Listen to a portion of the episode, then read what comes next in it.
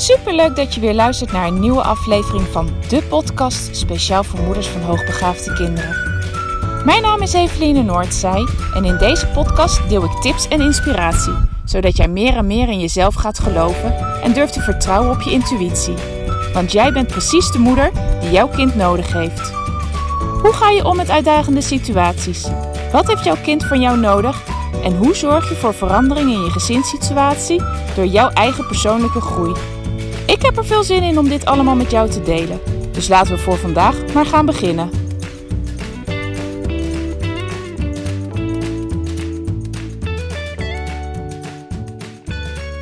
Hey, hallo. Leuk dat je weer luistert. Nou, ik hoop dat je een lekker weekend hebt gehad.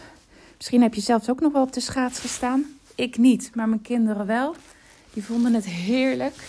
En uh, erg jammer dat het nu weer voorbij is. Maar goed, we hebben deze dagen nog vast mooi meegepikt. En uh, laten we hopen dat deze winter nog lekker flink koud zal worden. En dat ze weer verder kunnen met schaatsen. Vandaag had ik, voor vandaag had ik je beloofd om de derde podcast op te nemen. Die gaat over consequent zijn. Nou, heb je de vorige podcast nog niet beluisterd, dan, uh, ja, dan wil ik je adviseren om dat alsnog te doen. Want daarin heb ik het gehad over mijn eigen ervaringen en hoe ik, ja, hoe consequent ik was in het verleden en nu en wat voor veranderingen ik uh, heb doorgemaakt. En de podcast van afgelopen vrijdag ging over, ja, hoe komt het nou eigenlijk dat het ja, soms zo heel moeilijk lukt om consequent te zijn en vooral om te blijven. Dus nou, um, mocht dit een onderwerp zijn waarvan je denkt, ja, daar wil ik wel meer over weten, luister dan alsjeblieft ook even de voorgaande podcast, want ik denk dat dat ook heel erg van waarde voor je kan zijn. Nou, heb je ze wel beluisterd? Dank je wel. Superleuk. En uh, ik kreeg daar ook een persoonlijk bericht over terug vorige week. Over de eerste podcast, nummer 122. En uh, zij zei van, wat een prachtig verhaal, podcast 122. Zo herkenbaar. Nou, ik vind het super leuk om dat soort uh, reacties te krijgen. Dan weet ik ook echt dat ik het niet voor niks deel met je. En dat dat je er ook echt iets aan hebt. Dus altijd leuk als je me even een persoonlijk berichtje wil sturen wat deze podcast voor jou betekent. Maar zoals gezegd ga ik het vandaag met je hebben over uh, consequent zijn. En deze keer had ik aangegeven dat ik concrete tips met je zou gaan delen. Over wat jij nou kan doen in je gezinssituatie om te veranderen. En ja, eigenlijk niet alleen om consequent te kunnen zijn, maar vooral ook om consequent te kunnen blijven. Want ja, je kan best bij tijd en wijde consequent zijn, maar het volhouden, dat is altijd het meest moeilijke. Tenminste, ik ervaar in ieder geval dat ik dat het meest moeilijk vind. En uh, uh, ik, ik vermoed dat dat ook uh, bij jou mogelijk kan spelen. Ho alhoewel ik altijd voorstander ben om, uh, om op zoek te gaan naar de oorzaak van waarom lukt het nou eigenlijk niet om consequent te zijn, maar met name dus om te blijven, om het vol te houden.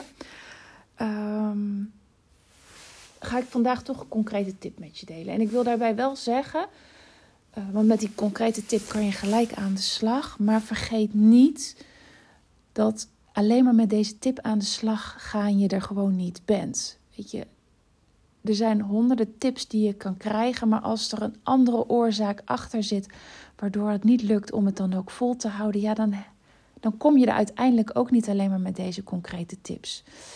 Um, nou, dat wil ik in ieder geval vandaag je nog meegeven. Um, over, um, over echt, echt het op zoek gaan naar, naar de oorzaak waarvoor het dan zo lastig voor jou is. Maar tuurlijk ga ik je ook eventjes echt praktisch op weg helpen. Want vandaag ga ik het hebben met je over het belang van het hebben van een vaste structuur en vaste afspraken of vaste regels. Nou, allereerst even over de vaste structuur. Wat bedoel ik hier nou eigenlijk mee? Ik bedoel daarmee dat, je, dat het hebben van een dag en een weekstructuur eigenlijk heel fijn is. Naast dat het voorspelbaar is voor de kinderen, levert het je namelijk ook nog iets heel waardevols op. Nou, voor mij houdt een dagstructuur in dat je een aantal dingen vastzet voor de kinderen. Ja, een aantal zaken die vaststaan op een dag, die in bepaalde volgorde gaan plaatsvinden. En voor een weekstructuur betekent dat er een aantal dingen in de week vaststaan en dat die altijd, of bijna altijd op dezelfde manier gaan. Nou, even wat, ik vind het altijd fijn om met concrete voorbeelden te werken. Zo hebben wij wat betreft de dagstructuur uh, de afspraak met de kinderen gemaakt dat ze aangekleed en tanden gepoetst naar beneden komen zodra ze wakker zijn. Nou, ik vond dat heel erg fijn, want dan hoef ik niet elke keer ze weer van beneden naar boven te sturen. Hè, dat, daar gaat altijd veel tijd overheen. Uh, verzet. Nou, eenmaal die vaste structuur te hebben, maakt het een stuk makkelijker. Maar zo hebben ze ook allemaal dagelijks een vaste taak. Het zit ook bij ons in de dagstructuur opgenomen. Wat betreft de weekstructuur eh, weten onze kinderen dat ze elk weekend in pyjama naar beneden mogen om een tijd televisie te kijken totdat we uiteindelijk allemaal gaan ontbijten. Nou, dit zijn zomaar slechts even een aantal voorbeelden van een dag- en een weekstructuur. En ik vermoed dat jij die zelf ook hebt. Ik, ik kan me niet voorstellen dat ouders die niet hebben. Maar misschien is het wel fijn om die nog eens een keer onder de loep te nemen. Want aan de ene kant bieden ze heel veel houvast. Aan de andere kant moet je ook ervoor zorgen dat je niet te veel vast hebt staan. En waarom is dat zo? Aan de ene kant biedt het je heel veel houvast in de zin van een structuur geeft kinderen duidelijkheid en op een gegeven moment zit dat een beetje ja, is dat in hun routine gesleten, geslopen. En waar je in eerste instantie heel hard een tijd lang moet werken om die routine erin te krijgen. En daarbij dus ook heel consequent moet zijn om die er ook echt in te slijpen. Zal je merken dat je na een verloop van tijd dat dat een routine is geworden die de kinderen automatisch doen. En het voordeel daarvan is dat je dan niet meer ze daarin hoeft te begeleiden en ook niet meer continu consequent hoeft te zijn. Het enige waar je alert op moet zijn, is als ze het een keertje niet doen. Maar je hebt er dus veel minder omkijken naar, waardoor het ook veel minder uh, consequent handelen van jou vraagt.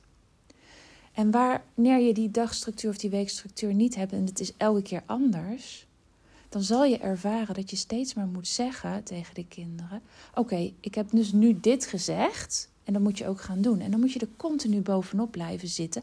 Als je consequent wil blijven in wat je gezegd hebt en wat je van de kinderen gevraagd hebt.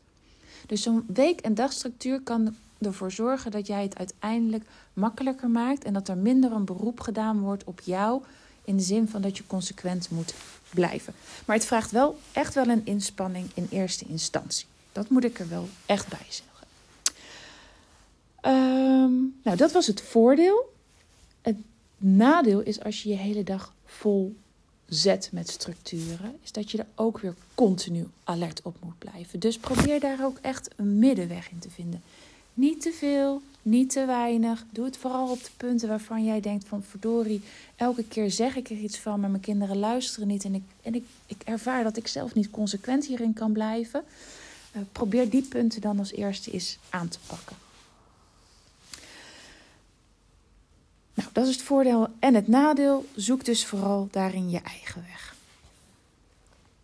Wat betreft het hebben van vaste afspraken en vaste regels. Um, nou, ik maak ten eerste altijd onderscheid in afspraken en regels. Aan de ene kant heb ik regels, dat zijn dingen waar de kinderen niet altijd met me over eens zijn, maar die ik wel in het belang vind van onze gezinssituatie of in het belang vind van het kind. Dat is een regel, die leg ik op uh, liever zo min mogelijk, want ik hou heel erg van het samenwerken en samen overleggen en bepalen. Uh, maar sommige dingen zijn nou eenmaal eventjes, gaan nu eenmaal zo. Of hebben zij daar behoefte aan en komen we er samen niet uit. In de zin van dat we daar niet een afspraak in overleg over kunnen maken.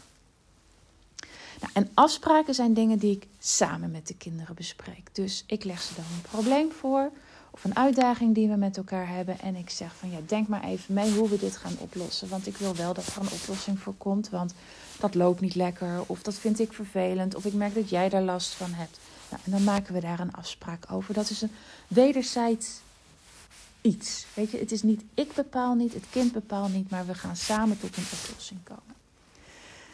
Die bespreek ik dan met ze, die, die leggen we vast. Soms schrijf ik ze op, soms zijn het mondelinge afspraken.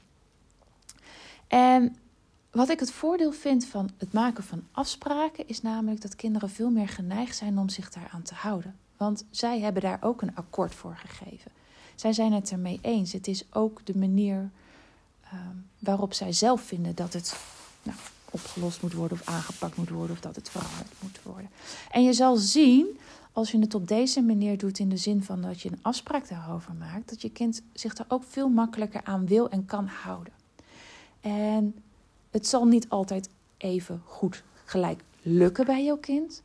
Maar het zorgt er wel voor dat als je het kind erop aanspreekt van joh, hey, dit is niet gedaan of niet gelukt. Of hè, ik zie dat, ja, dit of dit, dat je dit of dit gedaan hebt, terwijl de afspraak dit of dat was.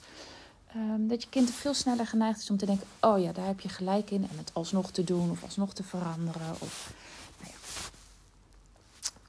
Je hoeft dus veel, zelf veel minder hard te werken om consequent te zijn. Want het is niet iets um, wat je hebt opgelegd. Je zal merken dat bij regels, dingen die je oplegt, je zelf veel harder moet werken om, om te zorgen dat uh, het kind het ook gaat doen. Dus je moet veel meer consequent zijn. En bij afspraken uh, haal je die druk bij jezelf veel meer weg. En je moet natuurlijk wel alert zijn hè, en, en, en benoemen. Maar je zal ervaren dan dat het makkelijker gaat en dat je veel minder hoeft uh, bij te sturen. In de, en consequent te blijven en te blijven herhalen wat je wil.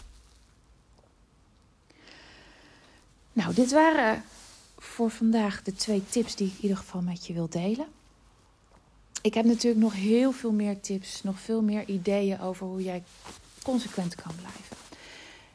En wat ik heb bedacht om deze met je te kunnen delen, want dat is ook al iets waar ik veel langer mee uh, loop, liep, is dat ik heel graag mijn, ja, veel meer van waarde voor jou wil zijn. Nou, misschien heb je de podcast van afgelopen vrijdag helemaal tot het einde beluisterd. Nou, dank je wel daarvoor in ieder geval.